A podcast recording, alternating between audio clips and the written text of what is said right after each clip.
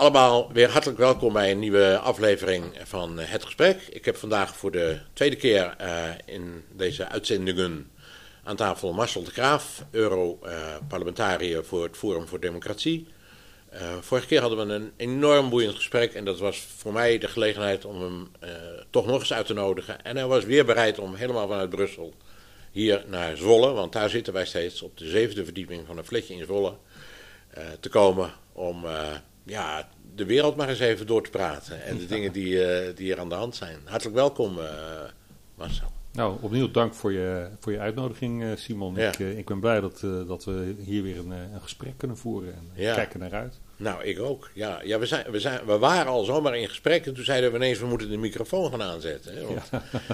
er is eigenlijk zoveel te bespreken. Het laatste waar, waar we eigenlijk het even over hadden was over vrijheid van meningsuiting. Uh, dus moeten wij een beetje opletten wat we gaan zeggen hier, of niet?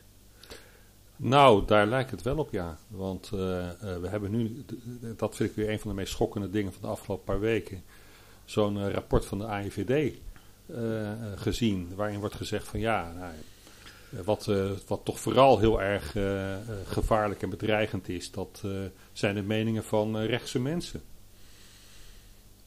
Ext alleen extreem rechtse mensen, toch?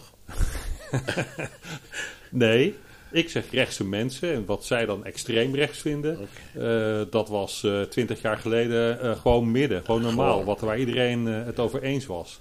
Dus... hey, en wat voor opzicht zijn die meningen gevaarlijk dan, volgens hen? Ja, wat je vooral ziet is natuurlijk kritiek op, op het regeringsbeleid. Als jij kritiek hebt op het regeringsbeleid, dan is het blijkbaar zo dat jij een anti-overheidsstandpunt hebt. En dan ben je dus eh, bedreigend voor de rechtsstaat, voor de democratie. In mijn beleving is kritiek ongeveer de basis van de democratie. dat je juist de overheid eh, bevraagt op eh, wat ze aan het doen zijn. En of ze daar goede redenen voor hebben en of het wel de goede kant op gaat. En of ze de gevolgen wel goed overzien. Dat zijn zaken die je juist in een democratie aan de orde moet stellen. Die je in het parlement moet bespreken. Waar er een verantwoordingsplicht is van de regering. Die moeten op dat soort vragen antwoord geven. En op het moment dat je kritisch bent, ben je nu opeens anti-overheid en een bedreiging voor de democratie. Sorry, maar wat mij betreft heb je dan ergens een afslag gemist. Ja, ergens wel, ja. Want in, in, ieder geval in de Nederlandse situatie, we gaan dadelijk nog wel even naar Europa, maar in de Nederlandse situatie is toch eigenlijk het parlement, de Tweede Kamer, of misschien de Staten-Generaal, de Eerste en de Tweede Kamer samen, is het hoogste orgaan, toch? In, uh, in, uh, in Nederland. Die, die moeten het met elkaar toch kunnen bepalen.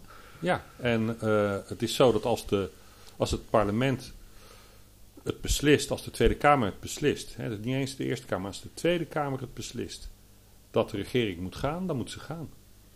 Ja. Dat geeft, dat, die macht heeft het, parlement, het parlement en dat betekent dat zij het hoogste orgaan zijn. Ja. Zij kunnen een regering naar huis sturen. Hoe komt het dat die macht lam gelegd is? Want die is eigenlijk lam nu. Ja, dat, uh, dat, dat, dat zou je een weeffout in uh, ons uh, parlementaire stelsel kunnen noemen. het is in ieder geval zo dat je, waar vroeger het heel duidelijk was dat elk Kamerlid, en zo, zo wordt de eet nog steeds afgelegd, daar zit zonder last of ruggespraak, gewoon puur voor zichzelf en vanuit zijn eigen geweten bepaalt hij en stemt hij. Is het nu zo dat je eigenlijk meer ziet van nee, het, parlementslid is lid van een politieke partij.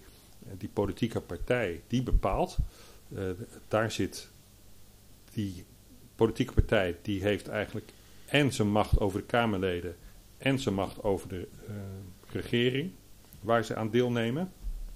Dus die deelnemende partijen in die regering die hebben ook macht over die Kamerleden. Dus daar zie je al dat er eigenlijk de tegenstelling tussen uh, regering en Kamer verdwijnt door de macht die die politieke partij heeft. En die politieke partij die zegt, ja luister, uh, als jij niet nu vertelt uh, wat wij willen horen, dan sta je de volgende keer niet meer op de lijst. Nou, er zijn uh, Kamerleden zo moedig dat ze daar zich weinig van aantrekken. En dan word je gesensibiliseerd, toch? Dan word je gesensibiliseerd en dan word, moet je op zoek naar een functie elders. Ja. En dat soort zaken. Dus uh, dan gaan ze alles in het werk stellen. Hè, eventueel uh, uh, beginnen ze een proces tegen je. Niet, de regering, maar toevallig vindt het Openbaar Ministerie dan wel aanleiding om je te gaan onderzoeken. Dus er zijn. Ah, en hoe kan dat? Nou, omdat de top van allerlei ministeries wordt ook bevolkt door partijleden of mensen die zich committen aan, aan een bepaalde partijlijn. Dus je ziet dat die spanning die er hoort te zijn tussen regering en Kamer, dat die wordt lamgelegd. Nou, dat is de nagel aan de doodskist van de democratie. Ja, ja de, de, eigenlijk de concties die er worden gesmeed tussen de politieke partijen in een regeerakkoord bijvoorbeeld, hè, waar, waar je op dit moment met 75 plus 1 de ja, meerderheid wordt dat uh, volledig dichtgetimmerd. Hè? Dus de regering uh, en die Kamerleden, die, uh,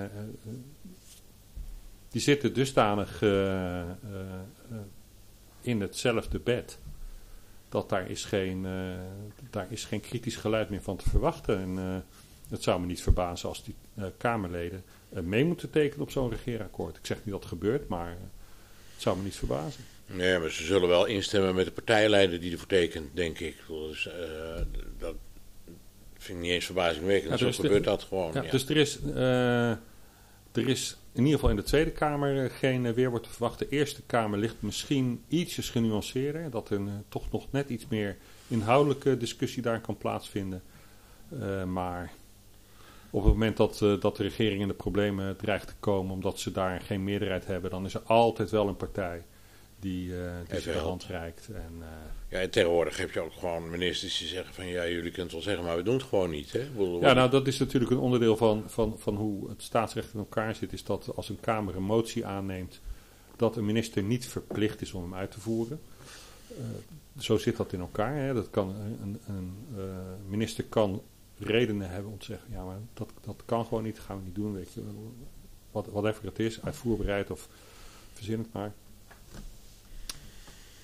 Maar dan heeft een Kamer in principe de mogelijkheid om te zeggen: ja, een minister die uh, niet onze motie uitvoert en ook dat daadwerkelijk zegt en dat, dat, dat gewoon naast zich neerlegt, die willen wij niet langer. Met andere woorden, die krijgt de motie van wantrouwen en die kan vertrekken. Dat doet de Kamer dan weer niet. Nee. Kijk, wat betekent dat? Dat betekent dat je uh, een papieren tijger bent. Ik begrijp op dit, op dit moment trouwens wel, tenminste, ik denk dat de Kamer dit, dat op dit moment niet doet, omdat die 76 Kamerleden in de peilingen wel zien dat als ze dat doen en er komen nieuwe verkiezingen, dan zijn ze verdwenen. Dus, uh, ja, dus wat je eigenlijk uh, zou je zelfs kunnen zeggen, we hebben misschien wel te veel beroepspolitici. Uh, mensen die hun hele leven niks anders gedaan hebben als in de politiek zitten. Uh, en ik kan dat zeggen, want ik uh, heb eigenlijk mijn hele leven niet in de politiek geze gezeten. Wat heb je eigenlijk hiervoor gedaan? Ik, ik heb in, het, in, het bedrijfsleven, in het bedrijfsleven gewerkt, met name aan de ICT-kant. In ieder geval de allereerste periode, de eerste 20, 25 jaar. Okay. En daarna meer algemeen projectmanagement, okay. projectleiding. Nou goed, dat terzijde. Je, je, je bent geen beroepspoliticus. Helemaal. Je, je bent een idealist? Ja, nou dat kan je wel zo zeggen, ja. Want hoe is jouw politieke carrière eigenlijk uh, begonnen? Waar, of carrière, maar jouw politieke loopbaan begonnen? Uh, mijn politieke loopbaan is, uh, is begonnen bij de PVV in de Eerste Kamer. omdat daar, omdat op dat moment de PVV werd uitgesloten van regeringsdeelname, omdat zij geen zetels hadden in de Eerste Kamer en dus de regering niet konden steunen in de Eerste Kamer. En dat was blijkbaar reden genoeg om te zeggen, nou dan uh, uh, worden jullie geen, uh, geen onderdeel van de regering. Toen hadden we een gedoogsituatie, kregen we uiteindelijk. Um, en toen had ik zoiets van, ja, je kan geen politieke partij uitsluiten die met zoveel zetels in de Tweede Kamer gekozen is, omdat ze dan niemand zouden hebben in de Eerste Kamer. Wat is dit voor een merkwaardige, kromme situatie. En uh, toen heb ik mij uh, aangemeld en gezegd van nou, dit is mijn plicht om, hè, weten dat ik uh, capaciteiten heb, in alle bescheidenheid, om, om zoiets te doen. En een partij die heel veel moeite heeft om geschikte kandidaat te vinden, daar ga ik me gewoon kandidaat, als kandidaat aanmelden. En dat heb ik toen ook gedaan. En toen nou, werd, werd dat gewaardeerd en toen ben ik in de Eerste Kamer terechtgekomen. Omdat ik vind dat. Hè, ik was ten, ten, eerste natuurlijk eens met het geluid uh, wat uh, die politieke partij eh, naar voren bracht. Maar dat ik ook vind dat je dan, als het erop aankomt, je er du- dus ook voor moet inzetten. Hm. Dan moet je er dus achter, hè, waar je achter staat, dan kan je niet zeggen van, nou ja, eh, eh, we vinden niemand, dus nou dan eh, sluit ik me ook maar niet aan, dan ga ik ook maar achteraan staan. Nee, ja, als er dan niemand is, dan eh, sta ik vooraan. Maar dan, je hebt niet even gedacht, wat, wat zullen ze daarvan vinden? In mijn buurt, in mijn straat, in mijn familie, eh, in het bedrijfsleven. Want je bent natuurlijk gelijk een, een eh, eh, outcast geworden. Hè? Als je, Ja, nou ja, ik ben mijn hele leven lang al eigenwijs iemand geweest. Althans, dat, dat zeiden mijn wel- ouders altijd. heb je wel eens gehoord, ja. maar ik vind eigenwijs altijd iemand met een, een sterke eigen mening. Dat ja, een eigen, altijd, eh, een, een eigen mening, maar die zich dan vormt op basis van dat je je erin verdiept. En, en alle argumenten en verbanden probeert op een rij te zetten. Eh, en als er dan uiteindelijk betere eh, inzichten zijn, dan moet je ook zo eh, stoer en volwassen zijn om te zeggen, nou oké, dan zat ik dus fout. Dan moet ik gewoon mijn mening bijstellen. Dat wel, maar die mening is wel sterk omdat die eerst omdat er eerst allerlei voorwerk aan vooraf is gegaan. Snap je? Dus eh, ja, dat- Eigenwijze mensen zijn eigenlijk mensen die zich dom opstellen. Hè? Die zeggen, waarom is dat zo? Ik weet het niet. Klopt dat wel? Waarom is dat zo? Vertel mij. Ik, eh, ik, ik zie het niet. Ik vertrouw het niet. ja, maar ik, eh, ik, ben, ik ben nog op een andere manier eigenwijs. Als, als je zegt van ja, weet je, we hadden een, een christelijk Nederland. En opeens is het nodig om dat helemaal overhoop te gooien. en het allemaal multicultureel te maken. Dan zeg ik, nou, dat is geen goed idee. We, we hebben een, gezien in Nederland eh, verzuiling. Waarbij eh, verschillende groepen in de bevolking. eh, weliswaar komende uit zo'n beetje dezelfde cultuur. toch al eh, behoorlijk erg met elkaar in strijd waren. En dan ben je net een beetje die verzuiling aan het overwinnen in, in sociaal opzicht. We hebben leren polderen. En dan ga je vervolgens weer eh, de volgende groep erbij halen, die eh, weer helemaal zich moet aanpassen, integreren en dat, en dat hele spel moet gaan, eh, gaan snappen. Waarom, waarom zou je dat doen? Ja. Nou ja, dat, daar ben ik dan dus zo eigenwijs om te zeggen, van, nou, dat vind ik helemaal geen goed idee. Ik geloof Nee. helemaal niet zo erg in zo'n eh, soort eh, multiculturele samenleving. Het is al moeilijk genoeg eh, met alle tegenstellingen die er nu al zijn. Ja, nou ja, dan word je maar outcast. Dus, en wat dan? Ja. Nou, dan gaan we het niet helemaal hebben over je overstap naar de FVD. Dat, dat heeft zijn reden, maar daar hebben we het vorige keer over gehad. Dat weet ik nog wel. Ja, corona. Maar ja, is in coronatijd is dat eh, ge- gebeurd. Maar goed, de overstap naar FVD maakt niet dat je nu ineens overal welkom bent, denk ik. Nee, helemaal niet. eh, want eh, waar het nu lijkt dat eh, PVV meer geaccepteerd wordt, zie je dat eh, demonisering eh, toeslaat op eh eh, Forum voor Democratie. En ook daarvan. eh, Hoe komt dat? Ja, omdat ze eh, eh, het regeringsverhaal niet klakkeloos volgen en accepteren. En gewoon daar vraagtekens bij stellen en zeggen van ja luister eens, eh, is dit wel in het belang van het Nederlandse volk? Ik zeg niet eens in het belang van Nederland, want dat is een nog, als het ware nog veel te abstract begrip, maar gewoon de mensen in Nederland die hier wonen en werken en leven. Wat doet die regering? Is dat wel in hun belang? Is het in hun belang dat de energieprijzen absurd omhoog eh, eh, schieten? Is het eh, in hun belang dat eh, eh, het hele landschap vol met windmolens wordt gegooid? Die als ze eenmaal eh, aan het eind van hun levensduur zijn, begraven moeten worden ergens in de woestijn omdat ze te giftig zijn om beet te pakken. Ik bedoel, in, in wiens belang is dat? Nou ja, de- de- ik heb gisteren nog van mevrouw Kaag gehoord dat ze zeggen: we gaan er 38 miljard tegenaan gooien, want we moeten de komende generatie redden en de wereld redden. Ja, Nee, dat schijnt dus in het belang van de komende generatie en van de wereld te zijn. Ehm, en dat geloven wij dan zomaar? Nou, ik dus niet. Ik weet eh, eh, eh, 100% zeker dat het anders zit. Want, wat, hoe, hoe anders dan? Dat, kijk, ten eerste, eh, voor het, als je kijkt naar die energietransitie, die batterijen die ervoor nodig zijn, eh, eh, die wieken van die, eh, van die windmolens, dat is allemaal giftig materiaal. Ehm, ehm, windmolens zijn niet recyclebaar, dus dat komt ergens in de natuur. Je kunt er niet later auto's van maken of iets dergelijks. Het wordt, het wordt nu gewoon ergens onder de grond opgeslagen. Klaar. Dus je, je, en dat weten zij ook. Dus ze weten dat ze een verhaal vertellen wat niet klopt. Maar daarnaast, eh, eh, de, de, de, de negatieve verhalen over de zogenaamde fossiele brandstoffen, over gas en, en, en olieproducten. Nou, als je dat opstookt, dan krijg je CO2. En als je CO2 hebt, dat uh, in, in, in de kassen, uh, de, de tuinders in de kassen, die willen nog wel eens extra CO2 in die kassen pompen, omdat daar het plantenleven het zo goed op doet. Dus op het moment dat we een heel laag gehalte aan CO2 hebben in de atmosfeer, dan gaat het plantenleven eraan. Als je dan vervolgens kijkt over de afgelopen miljoen jaar, en dat hebben mensen gedaan, die hebben dat onderzocht, dan zitten we historisch laag in het CO2-gehalte in de atmosfeer. Gewoon historisch laag. Vandaar dat we Sahara's hebben en zo. En ja, dat soort, op het moment dat je hoge CO2 zou hebben, tot, en, nu, en hoeveel CO2 hebben we het dan over? 0,03 procent. Uh, in de atmosfeer is CO2 en dat zou dan stijgen naar 0,04 procent. Nou is het 0,05 procent, is het toch steeds goed. Op het moment dat het 1 procent zou worden, ja, dan hebben we een groot probleem. Maar dan gaan, dan die, zitten we dus... gaan die ijskappen toch allemaal smelten ook en zo en uh, komen we onder water te staan. Dat is natuurlijk ook allemaal volstrekte onzin. Elke, elke, elke keer als het uh, koud is, dan is het het klimaat. En, of elke keer als het warm is, is het klimaat. En elke keer als het koud is, is het het weer. Ja, ja. ja. Weet je, ja hou op. Dus nee, uh, uh, daar zit natuurlijk iets heel anders achter. Wat zit erachter?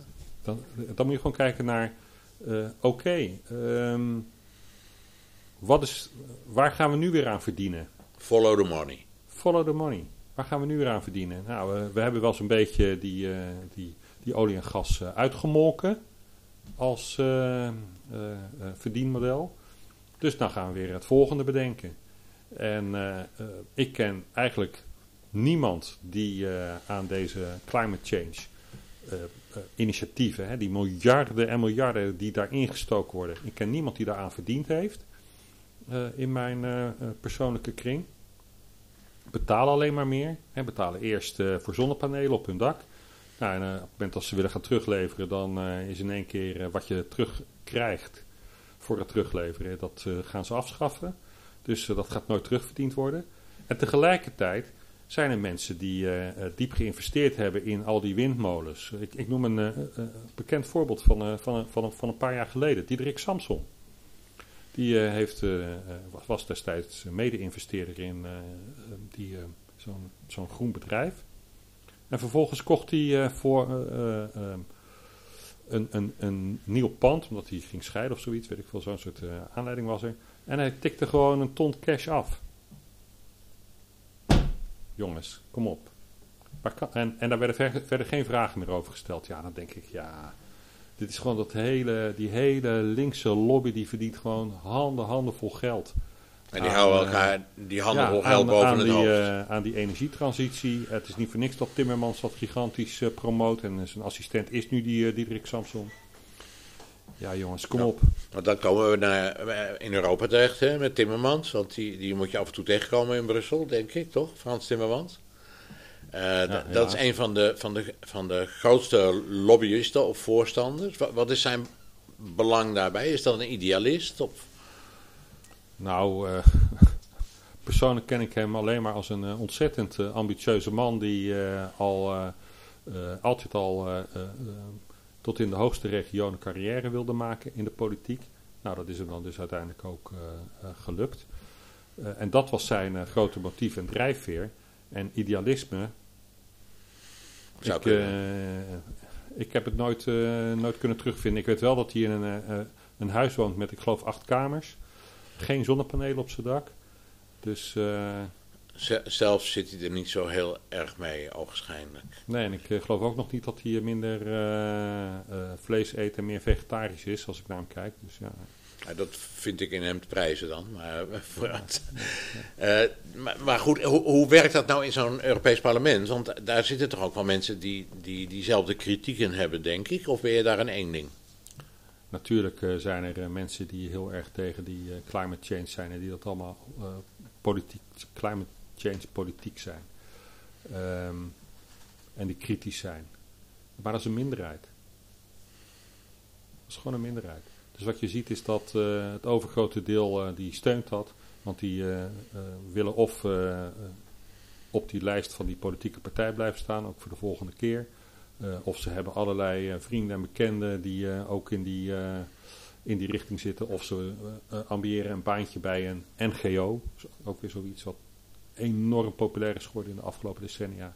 Er stichtingen, verenigingen, stichtingen die enorm veel subsidie krijgen. De, de, we moeten niet vergeten dat wat je ziet is dat zowel de, de, nationale overheden als de EU uh, miljarden, miljarden, miljarden te verdelen hebben. we hebben een, een belastingdruk van tientallen procent. In sommige gevallen kan het oplopen tot 50 procent van wat je verdient gaat naar de overheid. Ja, dan heb je nog geen de, de, de BTW en dergelijke meegeteld, denk ik. Nee, want als je, ja, je krijgt je, je inkomstenbelasting, nou ja, BTW, je accijnzen, noem het allemaal maar op. Als, als je uiteindelijk kijkt wat je werkelijk betaalt met je geld, dan betaal je voor het overgrote deel natuurlijk gewoon de overheid. En die overheid die verdeelt die pot over een aantal clubs die hun idealen uh, uit gaan voeren. Nou, wat, wat ik in ieder geval zie, is dat er dan geen geld is voor bijvoorbeeld uh, die toeslagenaffaire-ouders. Nee. Die hun kinderen kwijt zijn. Die zijn en hun kinderen kwijt en ze krijgen geen geld als compensatie of niks. Maar wat je wel ziet, is dat er uh, gigantisch veel geld gaat naar allerlei stichtingen. Eventueel op een getrukte manier om dat overheidsbeleid uit te voeren. En wie, zitten dan, wie zijn daar dan de baas van? Oud-politici of leden van een bepaalde politieke partij? Of familie van leden van een politieke partij? Dus je ziet dat dat gewoon één grote kliek is die blij is dat ze dat geld kunnen weghalen bij de burger. En vervolgens onder hun eigen vrienden verdelen. Nou hebben, we, nou hebben we het in dit geval even over die klimaatproblematiek of die energietransitie, laten we dan zo maar zeggen. Wat, ik nou zo opvallend vind is dat dat met een aantal problemen, dat die allemaal op diezelfde club uh, op dezelfde manier benaderd worden. Ik, ik, zal duidelijker zijn, bijvoorbeeld als het gaat over de, de, de vaccins of de, de prikken. als het gaat over de oorlog in de Oekraïne, als het gaat over de mening over de, de, het opblazen van de pijplijn tussen Rusland en, en Europa, als het gaat over, nou, nou, noem maar op, al die gevestigde dingen, daar lijkt men wel één front in te vormen. Nou ja, het, het, het werkt allemaal via dezelfde mechanismes. Dus wat je ziet is, uh, er uh, is een verhaal om het geld uit de zakken van de burgers te krijgen. En dat moet vooral een soort zo positief mogelijk verhaal zijn. Hè. we redden de wereld, we redden het klimaat, we redden zielige mensen die oorlog moeten ontvluchten, die het warme weer moeten ontvluchten. we redden um, zielige mensen die uit een oorlog komen, zoals in Oekraïne.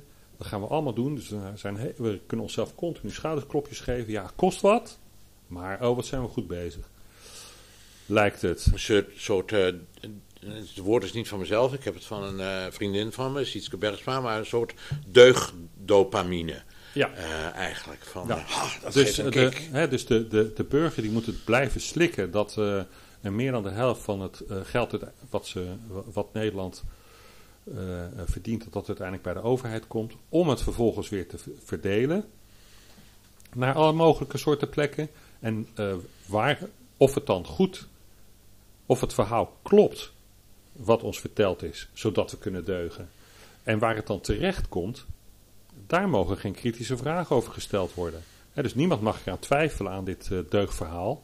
Uh, en niemand uh, mag twijfelen of het dan uiteindelijk wel op de plekken terechtkomt waar we het voor bedoeld hadden. Ja, we zien die windmolens wel verschijnen, maar wie heeft eraan verdiend?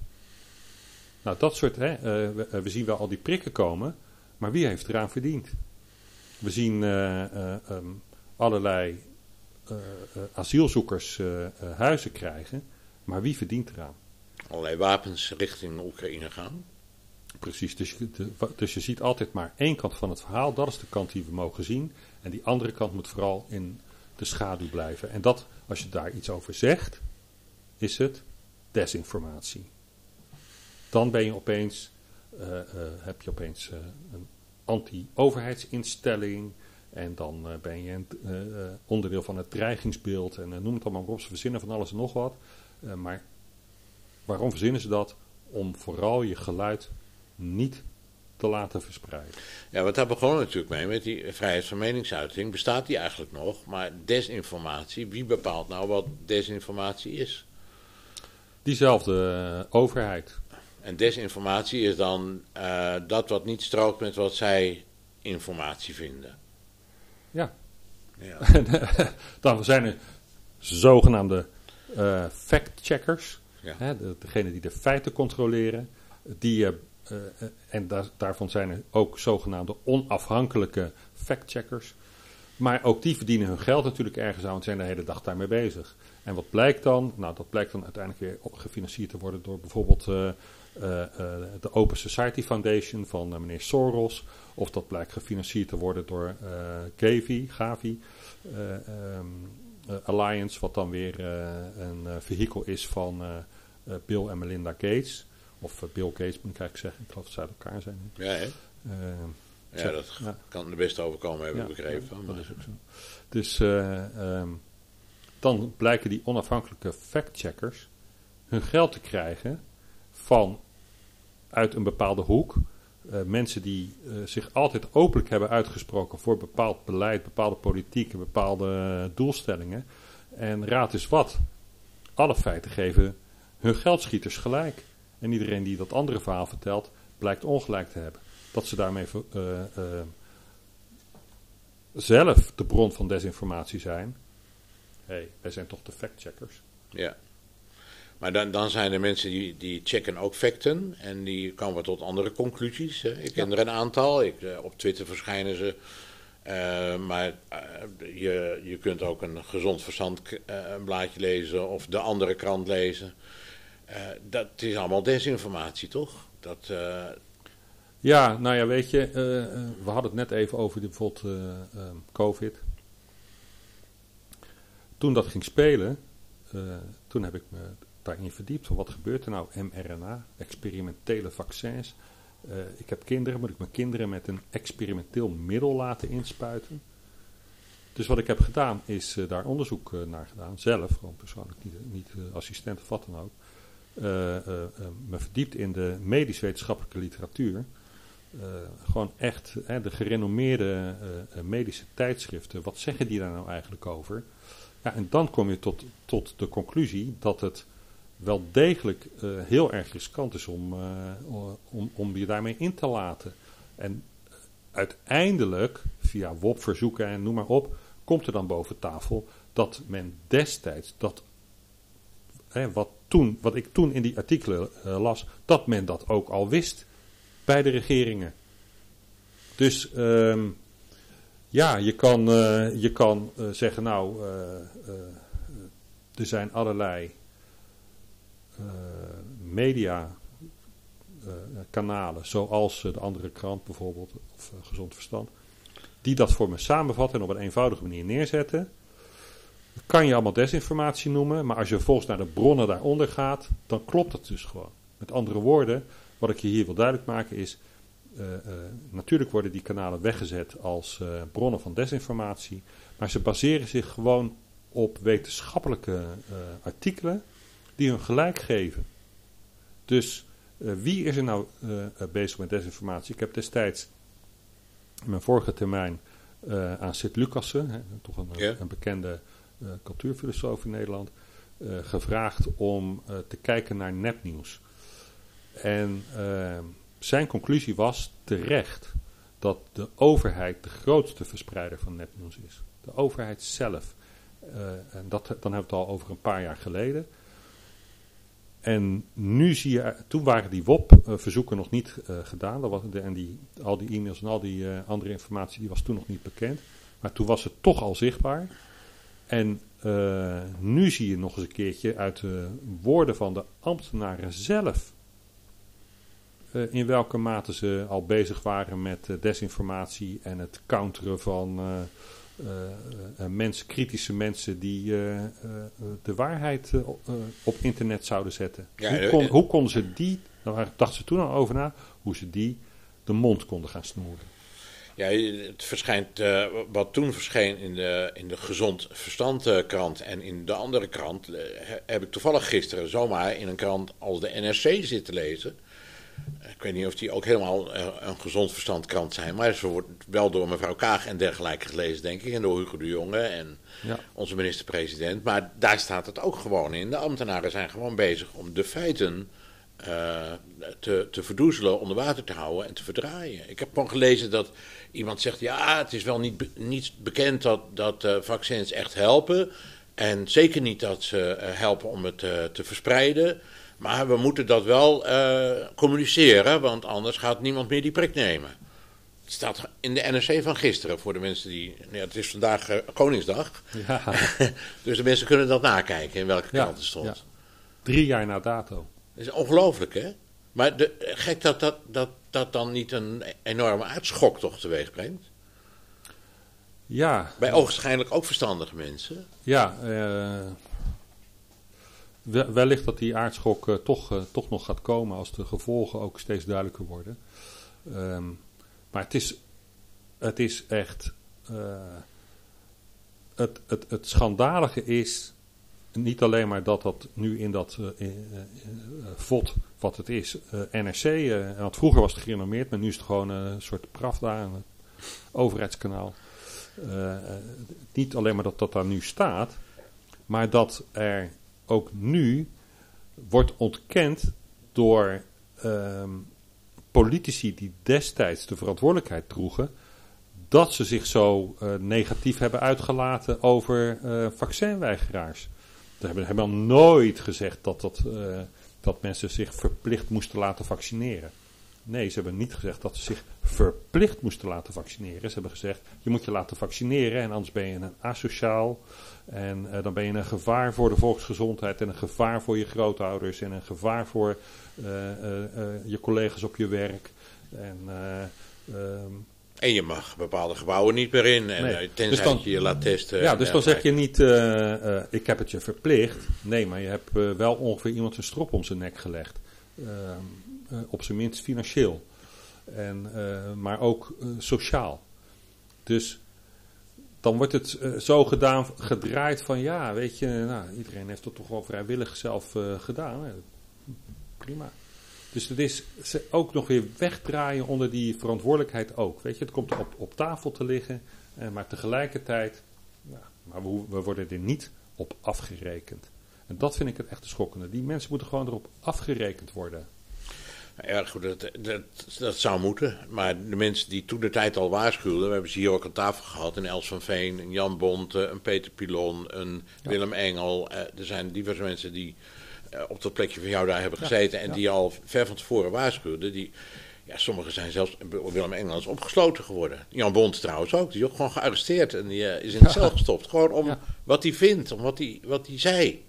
Hoe gevaarlijk is dat? Ja, en dat, uh, dat, dat brengt dus op de rol van de, van, van de overheid en hoe je als burger ten opzichte van de overheid uh, moet verhouden. En hoe de overheid zich tot haar burgers zou moeten verhouden. Hè, daar, dat, het, ik zou haast willen zeggen, het Oude Testament is daar bij, bij uitstek een bron van, uh, van inspiratie voor. Om te zien wat daar nou allemaal gebeurt en allemaal goed en fout kan gaan. Um, en zelfs uh, het Nieuwe Testament, want ik heb toch, uh, ik zit tenslotte niet voor niks met een dominee, toch ja, ook een beetje die kant, ja. die kant op trekken. We zien dat uh, Jezus aan het kruis is geslagen door een overheid. Door een overheid. Dus je moet altijd kritisch zijn ten opzichte van wat die overheid doet. Het is niet zo dat, dat die, en dat is uh, ook een illusie waar ik uh, jarenlang in geleefd heb, is dat de overheid het vol goede bedoelingen zit en het beste met je voor heeft. Ik heb dat jarenlang gedacht. De, de, overheid die zorgt voor een uitkering als je werkeloos raakt, of een uitkering als je ziek wordt en arbeidsongeschikt. Of wanneer je kinderen willen studeren, of uh, noem maar op. Hè. Dus een, die overheid die is zo goed voor je. Dat is echt gewoon uh, uh, vadertje staat en die knuffelt je. van de drees, geloof ik, hè? Van, van, van, ja. van, de wieg tot het graf. Ja, um, ja dat is, de, dat is wat we jarenlang voorgehouden hebben gekregen. En wat ik jarenlang heb geloofd. En dan zie je dat, dat die overheid misschien ook wel uh, heel lang zo was. Maar uh, niemand waarschuwt je wanneer die overheid, wanneer daar ander soort mensen komt te zitten, wanneer daar een ander soort beleid ingezet wordt en wanneer dat allemaal begint te kantelen en te draaien. En in mijn beleving is dat gedraaid, is dat gekanteld. En is het terecht dat we volledig kritisch naar die overheid kijken en zeggen van ja, maar waar jullie mee bezig zijn, daar moet je niet één vraagteken bij zetten, daar moet je er wel drie bij zetten. Ja, zeker. Eens. Ja. Snap je? En dat is uh, misschien wel ook de slinger van de geschiedenis, of de, hoe, dat, hoe dat dan gaat. Nou, je, gaat, je begint zelf over het Oude Testament. Dan mag ik misschien toch even een klein beetje dominee spelen. Maar kijk, als, als het gaat over Israël, zegt God zelf tegen Israël in, in het Oude Testament: Je moet eigenlijk helemaal geen koning willen. Uh, dat, want die gaat, die gaat je veel geld vragen, die gaat al jullie mannen de oorlog in. Dat moet je allemaal niet willen. Je moet een paar rechters hebben en gewoon uh, recht laten spreken en doen wat goed is. Nou ja, uiteindelijk wil, gaat dat volk dat toch doen. Ja. Nemen een koning aan, David, uh, de, Salomo. Ja, wat gebeurt er? Ze pakken al het geld af, ze trekken het naar zich toe. Duizend vrouwen, duizend paardenstallen. Ja. Zodat het rijk uit elkaar valt. He, dus in feite is, is, is wat God zegt, hou dat nou kleinschalig rechters, gemeenschappen in de buurten, je eigen. En volg mijn regels op. En dan gaat het goed. Nou, uh, dat je dat dan op Koningsdag zegt, Simon. Dat, ja. ja, dat is een beetje. Ja. Hè, dan, zie je de hele, dan zie je hem helemaal ja. schuren. Ja. Uh, maar ja, die overheid, op het moment dat die. kijk, dat je, als je die rechters kiest, zoals destijds in Israël dan uh, mag je van ze verwachten dat ze, uh, dat ze rechtvaardig zijn en, uh, en recht spreken. Um, op het moment dat een rechter onrechtvaardig wordt, dan heb je een probleem. Op het moment dat een overheid onrechtvaardig wordt, dat die um, um, mensen hun kinderen afpakt, dat dat uiteindelijk boven tafel komt dat dat onterecht was dat je dan vervolgens niet alles op alles zet om te achterhalen waar die kinderen zijn. Dat je die ouders met elkaar verenigt op zijn minst. En dat je voor zover mogelijk ze schadeloos stelt. Weet je, dat is voor mij een van de scherpste en schrijnendste voorbeelden uh, die laat zien hoe slecht de overheid op dit moment voor zijn mensen is. Dat is. Ik kan dat voorbeeld wat mij betreft niet vaak genoeg herhalen, want het is voor, de, voor iemand die zelf kinderen heeft, is er niks pijnlijkers en schrijnenders dan dat je kind wordt afgepakt. Dat is echt een ondraaglijk Kom niet aan de kinderen. Ja. Het is ondraaglijk dat je kind wordt afgepakt. En het was gewoon unfair. Het was oneerlijk. Het was onrechtvaardig. Het was onterecht. Nou ja, ze zijn er ook om weggestuurd, hè? Motie van wantrouwen en uh, hup, weg. Ja, en, en, en vervolgens niet uh, beschaamd je terugtrekken uit het politieke leven. Wat ehm, normaal gebeurd zou zijn, zeg maar 20, 30 jaar geleden zou je zo iemand nooit meer terugzien in de politiek. Um, die zeggen nu gewoon doodleuk, ja, ja natuurlijk uh, motie van wantrouwen, nou ja, wat nou beschaamd, wat nou, ik kom toch gewoon weer terug. En uh, met dezelfde club. Met dezelfde club op dezelfde voet verder gaan. En, en, en nog steeds de zaak niet opgelost. Hè? Want en nog steeds, hoeveel... de zaak niet opgelost. Maar degene die uh, uh, destijds mij weggestuurd hebben, die hebben we natuurlijk wel aan de kant geschoven. Maar en trouwens even, dat schiet me zomaar te binnen. Valt zoiets nou in Europa ook op? Of doen ze daar niks aan daar? Met een Europees parlement, een Europese commissie, denken ze van laat ze maar daar. Wat je ziet is dat um, de landen, de lidstaten, die de agenda uitvoeren zoals die is vastgelegd, die worden met rust gelaten. En de lidstaten die zich tegen die EU of misschien wel wereldagenda verzetten, die worden keihard aangepakt. Dus als je kijkt naar uh, een land als Hongarije of Polen, die werden altijd keihard uh, aangepakt op dus de, de rechtsstaat. Hè, dat zou daar allemaal niet Onafhankelijk in orde zijn. zijn. Hè. De, de, de, het constitutioneel hof, wat ze, wat ze in die landen kennen, zou niet onafhankelijk zijn. Noem maar op. Uh, nooit erbij vertellen dat er in dat constitutioneel hof in Polen nog allemaal oud-communisten zaten. Ehm, en dat ze natuurlijk blij waren dat ze van de communistische dictatuur af waren. En dat ze dus ook die communistische leden van het constitutioneel hof eigenlijk wel erg zat waren. Daarnaast dat ze als, als een lid van het constitutioneel hof door de regering uh, uh, wordt benoemd. Dat zou dan ook allemaal niet onafhankelijk zijn. Als we kijken naar Nederland, dan uh, komt er een lijstje van kandidaten voor de Hoge Raad, wat ons hoogste rechtsorgaan is. En daar wordt over beslist door de Tweede Kamer. Over dat lijstje. Nou, hoe dat lijstje tot stand komt en dat de regering daar al mee ingestemd heeft, weet je, daar en, en, dat, wordt verder... en dat de Tweede Kamer altijd een meerderheid heeft die de regering... Ja, wat is het verschil? Het is bij ons... en dat, dat, hoe worden hier kroonleden benoemd bij de SER? En hoe komen hier mensen terecht in de directie van de NPO? Zeg het maar. Ja. Wat is het verschil? Is het hier opeens allemaal onafhankelijk? echt niet, gewoon flauwekul. Het is Ja. ook allemaal politiek bepaald. baantjesjagers en eh elkaar Maar ze voeren de agenda uit. Ze voeren de agenda uit. Ze doen gewoon snoeihard mee met het eh, eh, eh, coronabeleid.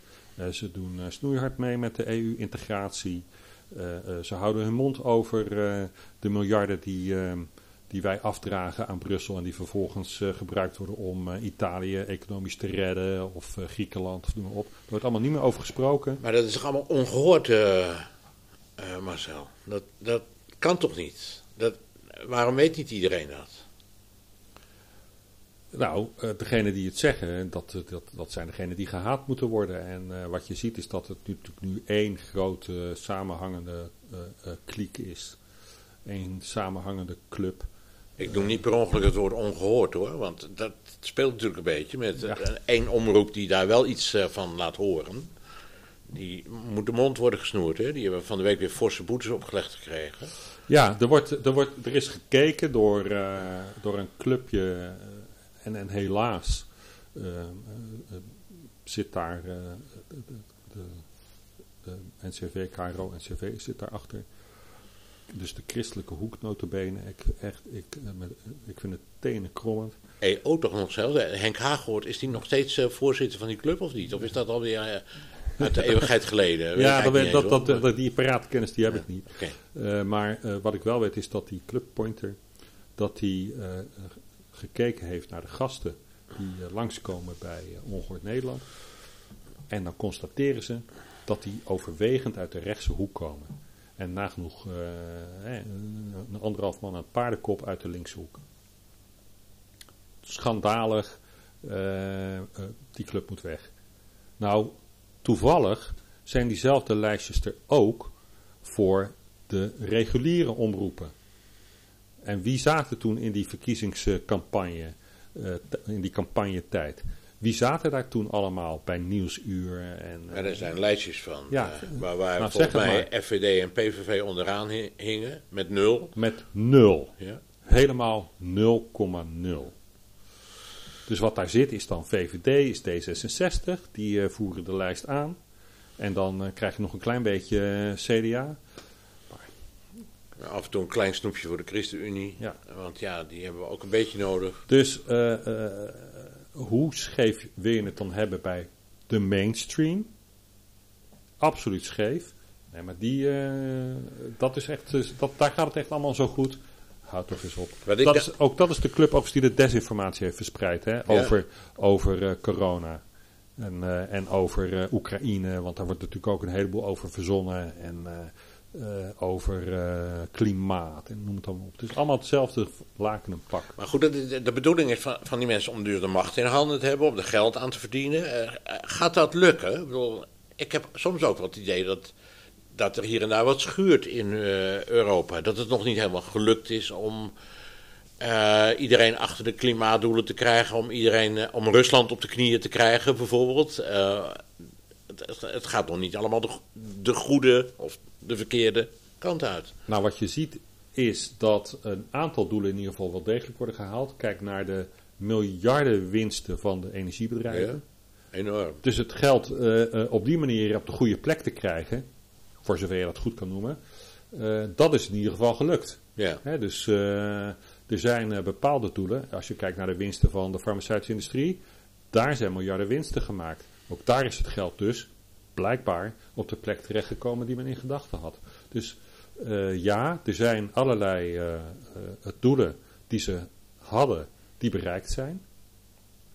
de verdere uitrol van, van windmolens, van elektrische auto's. Dus ik zie het allemaal gebeuren. Nog veel erger, de uitrol van die culturele agenda. wat, wat, wat, wat zo populair woke heet. zoals wat nu weer de, waar de EU nu weer een, een paar tientallen miljoenen aan heeft uitgegeven. Het sponsoren van drag queen shows uh, aan, uh, op lagere scholen. Dus travestieten die dan een of andere show moeten opvoeren voor kinderen van 7, 8 jaar. Wordt gewoon gesubsidieerd. Die uitrol die lukt dus, hè. Dat lukt. Maar wat ze vervelend vinden, is dat er nog steeds enorme weerstand is. Dat er nog steeds op social media, hè, dit kanaal, uh, de andere krant uh, en politieke partijen zijn, zoals ze Forum, die nog steeds blijven zeggen en dit, dat dit van geen kanten deugt. Dat is waar, ze, waar het ze niet lukt, daar zijn ze niet succes, succesvol. door die WOP-verzoeken blijkt duidelijk hun, hun leugenachtige praktijk. En het gaat natuurlijk niet goed in Oekraïne. Want het, het verhaal is dat het Westen gigantisch aan het winnen is en iedereen verslaat. En als ik me breder daarin verdiep en ook de niet-overheidskanalen volg, dan blijkt dat het daar helemaal niet goed gaat. En dan blijkt dat die sancties helemaal niet werken. He, dat, we dachten Rusland economisch op de knieën te krijgen en Duitsland die, gaat nu heel, heel rap bergafwaarts. Dus je ziet dat... De Russen eten er nog geen boterham minder om. Die Russen eten geen... Nee, die Russen die hebben daar economisch hebben die daar nauwelijks last van de economie. Zegt de OESO, hè, even. Dat is niet de minste club toch op economisch onderzoek van, van, van landen. Die zegt van ja, het Westen die ehm, gaat, loopt achter economisch. Die gaat, die gaat verder downward. Terwijl we zien dat Rusland uh, zijn economie die uh, gaat dit jaar toch wat groeien en volgend jaar nog meer. Ja, en haalt ziet, zelfs de groei in van uh, een heleboel westerse landen. En je ziet ook hele geopolitieke veranderingen natuurlijk. Hè? Rusland die naar China toetrekt en China die naar India, ja. Brazilië, het, het Midden-Oosten, Arabië, Iran. Ja. Hè, zo die, dat, dat... Nou, wat je, wat je daar ziet is die... Als je kijkt naar een aantal doelen die we nog niet hier expliciet benoemd hebben. Uh, maar dat is onder andere de, de, de wereld meer te verenigen onder één gezag. Dat klinkt heel vaag, uh, maar dat is bijvoorbeeld expliciet in het, de EU-gezondheidsstrategie. De EU-wereldgezondheidsstrategie kwam uh, onlangs in Straatsburg uh, aan de orde, was een debat over. En die strategie die houdt in dat in geval van een pandemie de Wereldgezondheidsorganisatie het, het, stuur in handen moet krijgen. Die moet dan gaan bepalen welke maatregelen alle leden, dus alle landen die onder de Wereldgezondheidsorganisatie vallen, uit moeten gaan voeren. Dus avondklok, dat komt dan bij de WHO vandaan. Uh, vaccinaties, dat komt, dat, zij gaan dat bepalen. Daar heeft de Tweede Kamer niks meer in te zeggen dan. Dat is, die soevereiniteit ligt daar. Is, is dat al zo? Of? Dat is nog niet zo. Dat zijn, uh, uh, er zijn amendementen die, die voorgesteld worden. Die zijn um, vorig jaar gelukkig um, weggestemd. Maar die komen dit jaar gewoon weer terug op de jaarvergadering van de Wereldgezondheidsorganisatie. En die moeten en dat is een doel, hè, dat, dat, daar zie je een bepaald doel. En daarvoor moet uh, eigenlijk eh, alle neuzen in de wereld wel zo'n beetje dezelfde kant op staan. En die, die neuzen moeten dus eigenlijk, laten we het maar heel expliciet benoemen, de Amerikaanse kant op staan. Want als je kijkt wie de grootste invloed heeft op de Wereldgezondheidsorganisatie, is dat de Verenigde Staten van Amerika. de grootste privé-sponsor, die ik geloof 40% van het budget van de Wereldgezondheidsorganisatie bepaalt, is Bill Gates met zijn uh, verschillende stichtingen die hij heeft. Ja. Dat een particulier zoveel invloed kan hebben op, uh, op zo'n internationaal orgaan is op zich al absurd. Uh, maar het toont wel aan dat dus vanuit de Verenigde Staten de agenda wordt bepaald door, van de Wereldgezondheidsorganisatie. Dus landen die niet de Amerikaanse lijn volgen, die gaan ook niet daarmee instemmen. Dat is één. En twee, uh, die gaan dus ook zich niet onder die uh, heerschappij, onder dat gezag stellen. En daar zie je wel dat hun doelstelling hele, hele harde klappen krijgt. Daar kraakt het. Ja, ik denk dat om dit voor elkaar te krijgen ze ook een aantal plannen hebben in werking gezet, misschien wel versneld hebben. Zoals die oorlog in Oekraïne. En dat gaat zo fout. Dat gaat echt zo fout.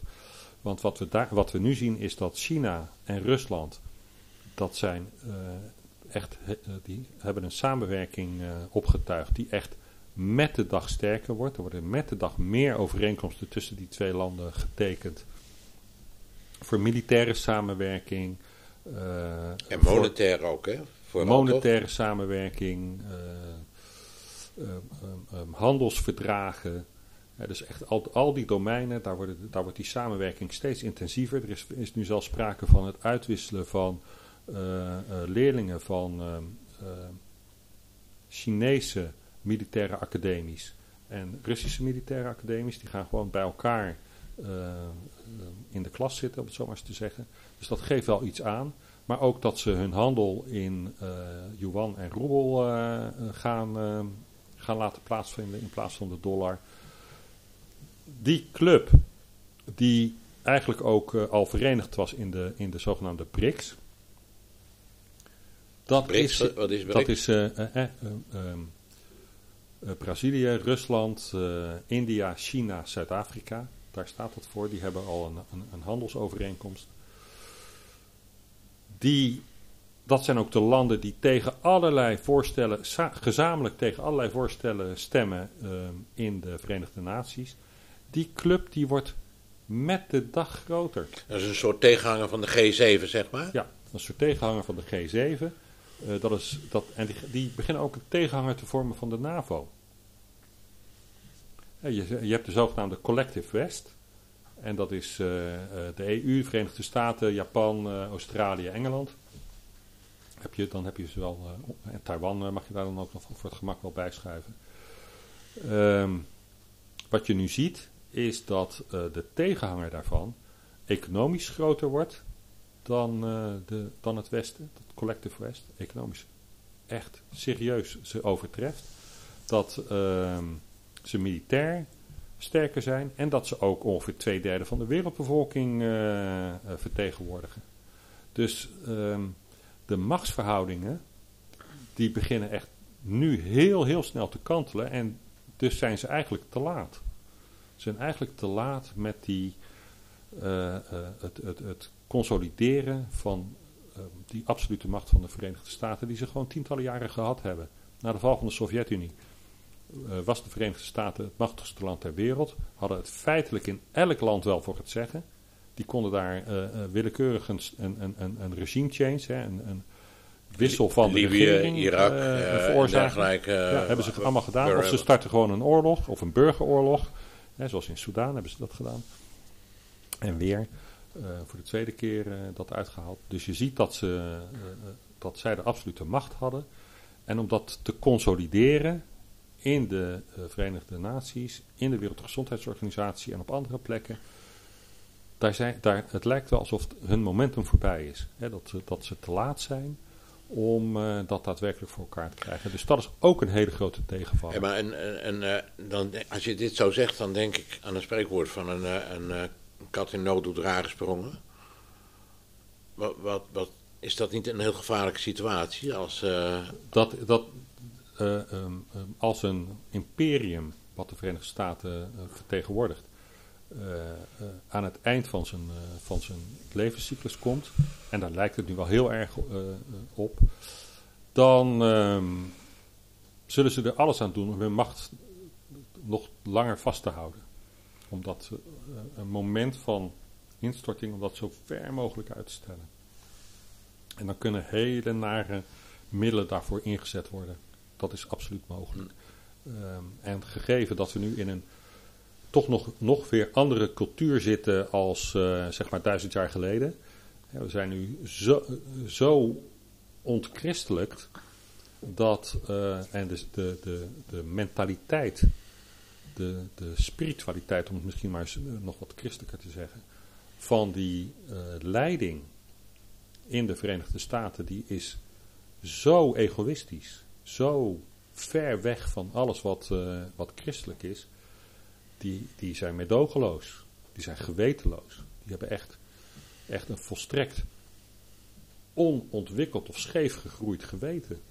Dus die hele geestelijke instelling van die mensen, die is... Uh,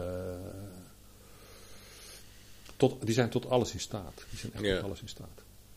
Ja, ja je, ik, er schieten een heleboel dingen in mijn gedachten dan. Maar goed, we kunnen ook niet de hele middag doorpraten. Maar ik bedoel, ze gaan een beetje van God spelen op allerlei terreinen natuurlijk. Op gezondheidsgebied, eh, eh, artificiële intelligentie, de, de, nieuwe, eh, de nieuwe mens ook creëren. Hè. Ik hoor Ja. Harari nog zeggen van, Ja. we are going to do it better than God. Ja. Hij zegt dat heel, heel serieus. Dus dat, dat gevoel, dat, dat superioriteitsgevoel, dat is er. Maar dat krijgt wel een knak doordat het, het, het, tegengewerkt wordt vanuit andere machten op dit moment dan. Ja, ja wa- ehm, dat is natuurlijk een heel eh, eh, idioot, verwrongen beeld in, in het hoofd van die mensen aan het ontstaan. Dat ze de natuur, dat ze baas zijn over echt de, de, het menselijk lichaam. En niet alleen dat van anderen, maar ook dat van zichzelf. En dat, we, eh, dat wat je aan beeld in je hoofd hebt, daar moet de werkelijkheid aan voldoen. Dus als ik bedenk dat ik een vrouw ben terwijl ik man ben, dan eh, Ja, bouw ik me toch om. Ja, of niet? Of je, dan- je hoeft het alleen maar te zeggen. Of, ja, maar, maar het, het is, het is alles. Het is en je hoeft het maar te zeggen en dan mag je al meedoen in een vrouwensport. Ja. En als je je ombouwt, dan is het ook goed. Ja, het is- het dat kunnen we allemaal. Echt van God los, zeg ik wel eens. Maar Ja. dat is het ook echt. Ja. Ja, en dat, dat is. Eh, ik, ik zat toevallig op de weg hier naartoe te luisteren naar een uiteenzetting over een eh, kerkvader, Irenaeus. Ja? En eh Irenaeus is de, de, de man die de, de gnostiek heel sterk bestrijdt. En, dat, en een van die mensen die het verhaal vertelde over Irenaeus, die zei van ja, die moderne gnostiek zien we eigenlijk bij die, die, diegenen die geloven in, in, in transgenderism. Dus die zich op het moment dat je wil om laten bouwen, dan is blijkbaar eh, het, het idee in je hoofd, je, van, over je, wie je bent, je identiteit in je hoofd, eh, de baas over wie jouw lichaam, wat jouw lichaam daadwerkelijk is. Het lichaam is minder waardig, hè? Het lichaam is eh, een soort aanhangsel Ja. wat jij gewoon kan manipuleren en waar je, waar je op, op in kan grijpen. En die persoon die zei van ja, kijk, eh, ehm, wat zegt die Irenees? Die zegt, eh, ehm, het lichaam is juist heel belangrijk. God is mens geworden, is lichaam geworden. Het is de incarnatie, het is het, het, het lichaam eh, wat, eh, wat ons tot mens maakt, even zo goed als de geest. Dus we zijn en lichaam en geest. We zijn wat dat betreft hybride, om maar eens een, een mooi woord bij te pakken. Ja, En we zijn hybride van lichaam en geest.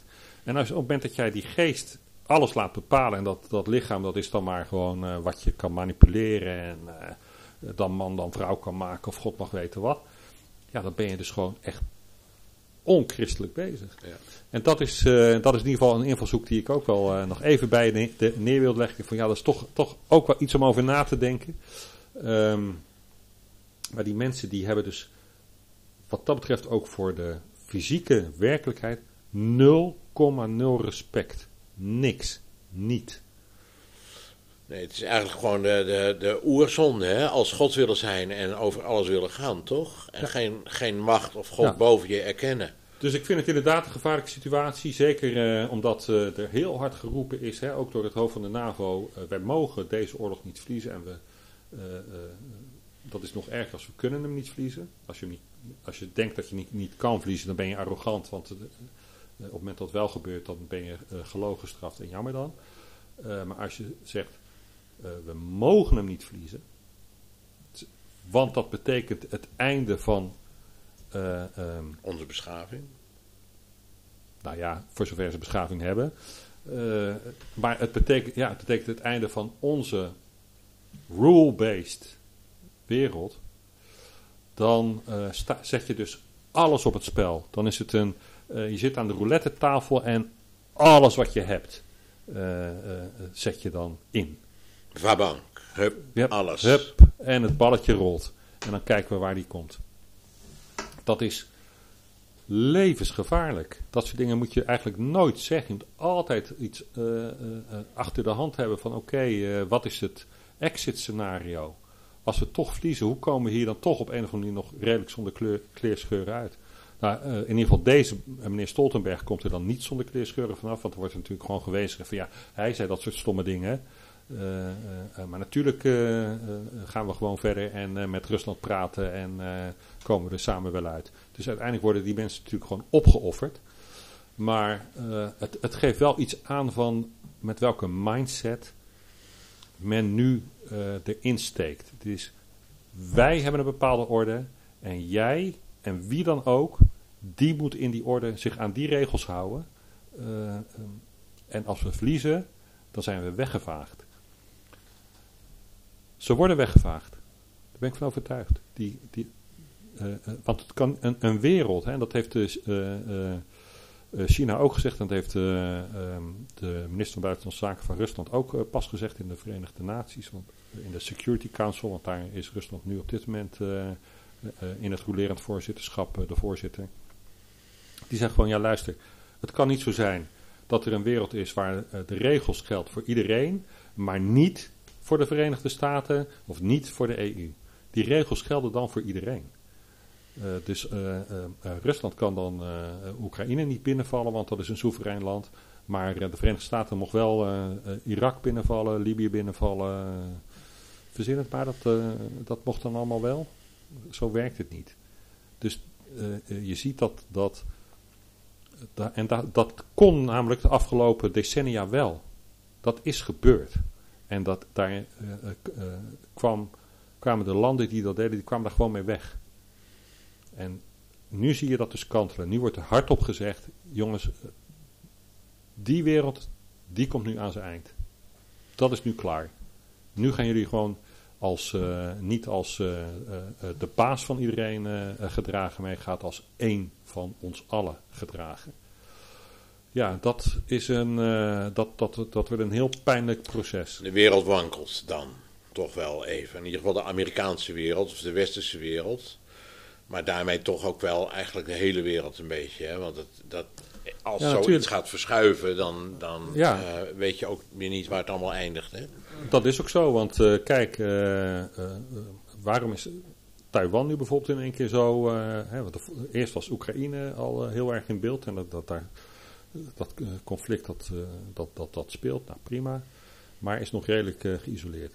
Taiwan is nu de volgende waar iedereen niet misschien niet direct bij de koffieautomaat, maar in, in, in politieke kringen, wat nu een, een hot item is. Taiwan is naast Zuid-Korea de belangrijkste leverancier van eh super geavanceerde chips voor de Verenigde Staten en, eh, en de EU. Dus op het moment dat China zegt van oké, en nu eh, wat wij al, al tientallen jaren roepen, Taiwan is van ons, nu is Taiwan ook van ons, dan heeft de industrie in het Westen acuut, maar dan ook acuut een probleem. Want dan zijn ze echt afhankelijk van China. Ze zijn nu al vreselijk afhankelijk van China, maar dan is het eh, Hebben, tot op de wij- laatste druppel. ik, ben, ik ben niet zo heel erg technisch, maar hadden wij ook niet iets heel moois in Eindhoven ergens bedacht Ja. zelf? Iets, Ja. iets waar China ook eh, van geschrokken was? Ja, we hebben eh, ASML. Ja, die bedoel dat ik. Is, uh, dat is een, een, een fabriek, een Nederlandse fabriek, die machines maakt die chips maken. Ja. Dus het is een chipmachinefabrikant. En die maken ze zo geavanceerd dat, dat, dat, dat eigenlijk beter dan zij doen niemand dat toch in de wereld op dit moment? Nou, zij zijn daar uh, koploper in al, uh, al heel lang. Dat is een spin-off, zoals dat mooi heet, van uh, Philips. Ja. Um, en dat is een, een, een, een, een, een heel gespeciali gespecialiseerde markt, waar de knapste koppen van de Technische Universiteit Eindhoven in dienst zitten en nu waarschijnlijk van over de hele wereld in dienst zijn. Ja, die, die club, die leverden dus ook hun machines naar China. En daarvan hebben nu de Verenigde Staten gezegd, nou, dat moeten ze maar misschien ook uh, niet meer gaan doen. Uh, in het kader van het uh, ook China-sancties gaan, gaan opleggen. Dus ja, we, hebben in, we hebben wel nog ASML. Maar dat is weer zo'n schot in eigen voet, want daardoor gaat China naar Taiwan, want die hebben het ook, en, enzovoort, enzovoort. Toch? Ja, en de, de, de Chinezen die zijn niet meer dezelfde onontwikkelde uh, uh, ontwikkelingsland, derde wereldland van, uh, van, van, van 40 jaar geleden. Nee. Weet je, daar, worden de, daar wordt natuurlijk ook inmiddels zijn die universiteiten top of the bill. En worden daar mensen opgeleid tot super gekwalificeerde en gespecialiseerde ingenieurs. En die maken zelf ook de mooiste fabrieken en kunnen, en kunnen dingen ook zelf verbeteren. Dus nee, het is niet meer dat we nu te maken hebben met nog steeds een ontzettend superieur Westen tegenover een uh, achtergebleven Azië en de rest van de wereld. Helemaal niet. Die zijn nu op nagenoeg gelijk niveau. En, en we zien ook op sommige gebieden verder. Hè, dus die wapenindustrie, hypersonische raketten, die heeft Rusland, Noord-Korea, China en Amerika niet. En de EU ook niet. Dus die zijn al geavanceerder, die zijn verder dan wij. Dus dat betekent dat je uh, ziet dat, uh, de, dat, dat dat is onderdeel van die, van die verschoven machtsbalans. En, ik, ik, we moeten toch naar een, een slot toe. Dan wil ik tot slot, want dat interesseert me altijd heel bijzonder, tot slot nog even naar, naar het Midden-Oosten. Want die, ja. die, die verschoven machtsbalans en die zeer geavanceerde wapens. Uh, en de, de, de, de conctie zeg maar, die plaats gaat vinden tussen Saoedi-Arabië, Iran, Rusland, mogelijk China. Uh, wat gaat dat daar betekenen voor de machtsverhoudingen? En wat, wat zou dat bijvoorbeeld kunnen betekenen voor een land als Israël? Ja, je ziet dus dat, de, hè, we hadden het over waar lukken hun doelen niet en wat zijn tegenvallers. Nou, dat, dat wat er in het Midden-Oosten gebeurt, is ook een tegenvaller voor hun. Niet voor, ik vind het zelf persoonlijk niet. Ik, ik, vind dat, ik heb daar een heel ander moreel oordeel over, om het zo maar te zeggen. Um, wat je ziet is, er ontstaat vrede in het Midden-Oosten. Nou, niks vreselijkers natuurlijk dan vrede. Het Want levert jij, niks op. Het levert niks op. Althans, als jij in de wapenindustrie zit, levert het je niks op. Wanneer je uh, uh, gewoon verdient aan landen die zich ontwikkelen op een vreedzame manier. En je, je levert allerlei materialen en machines en noem het allemaal maar op om, om landen uh, wat dat betreft zich verder te laten ontwikkelen, is het prima. Wat je nu ziet is uh, uh, Saudi-Arabië, Iran, geen oorlog meer, daardoor ook geen oorlog in Jemen.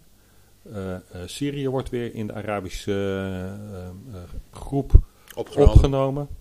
Um, en de, de, de club die het dan het moeilijkst heeft, is vanzelfsprekend Israël. we hebben de, de, islamitische wereld en we hebben het uh, Joodse Israël. Of Joods liberaal, want uh, er zijn natuurlijk ook vreselijk veel mensen die gewoon uh, links atheïstisch zijn. Ja, niet, niet elke Jood is religieus, nee, zeg maar. Nee, nee. nee, nee.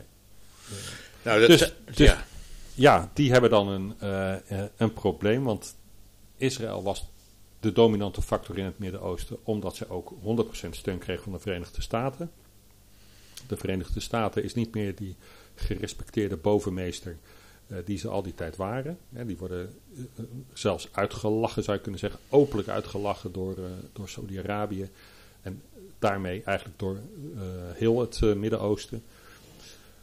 Dat is een gevaar voor Israël, voor haar bestaan. Ehm, zeker als ook Russische wapensystemen, luchtdefensiesystemen ehm, komen in landen waar eh, eh, Israël traditioneel een gespannen relatie mee heeft, zoals Syrië en, en Iran. Dus ik zou zeggen dat is heel pessimistisch. Maar, maar ehm, wat we ook zien is dat het is China geweest die heeft deze vredesonderhandelingen tot een succes gemaakt. En China heeft geen belang bij oorlog in het Midden-Oosten. Uh, er zijn betere relaties tussen uh, Israël en Rusland en China dan menigeen weet. die die, die uh, Israëli's zijn niet voor niks heel erg terughoudend met het leveren van hun technologie aan Oekraïne, omdat ze die veranderende verhoudingen in het Midden-Oosten heel erg goed zien. Uh, als China de dominante factor is in het Midden-Oosten, uh, dat is wel een land wat traditioneel uh, niet van oorlog houdt. Wat, hè, wat nu ook deze peace deal, deze, vredes, dit, deze vredesverdragen heeft mee veroorzaakt.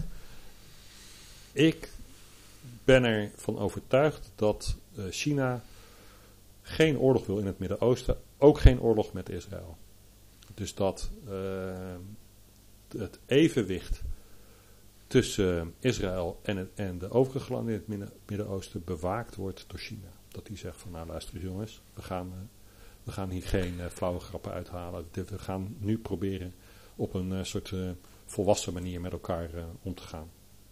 Ik wil gaan proberen met deze woorden maar, maar te besluiten. Je, zei, je had het net over, ze moeten erom lachen.